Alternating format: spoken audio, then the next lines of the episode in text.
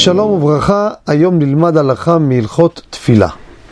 כידוע, יש דברים מדיני כבוד התפילה שאסור לאדם להתפלל במקום המטונף. ופעמים יש במקום שאדם מתפלל ריח רע. ריח רע חוץ מכבודכם של כל מיני צרכים, או במושבים יש כל מיני ריח לא טוב של כל מיני, של הפרות, או הכבשים וכדומה.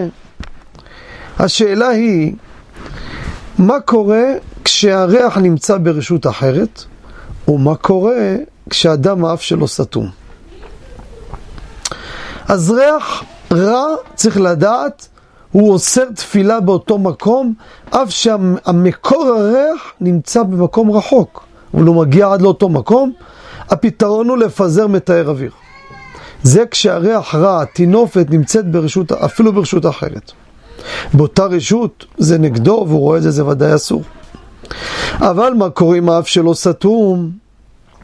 הוא לדוגמה עם שפעת וכדומה, לא מריח, כולם מריחים, הוא לא מריח.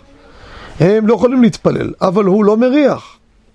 הלכה למעשה, מי שלא מריח את הריח הרע, כל עוד שהמקור של הריח הרע לא נמצא באותה רשות שהוא נמצא, מותר לו להתפלל. אם זה באותה רשות זה בעיה, אפילו שהוא לא מריח. אבל אם זה מקום אחר, הוא נמצא בבית, יש ריח ביוב חוץ לכבודכם מלמטה עולה על זה, כולם מריחים, הוא לא מריח.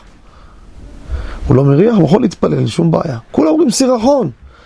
כי המקור הריח זה הביוב, הוא לא נמצא ברשות שלו, רשות אחרת.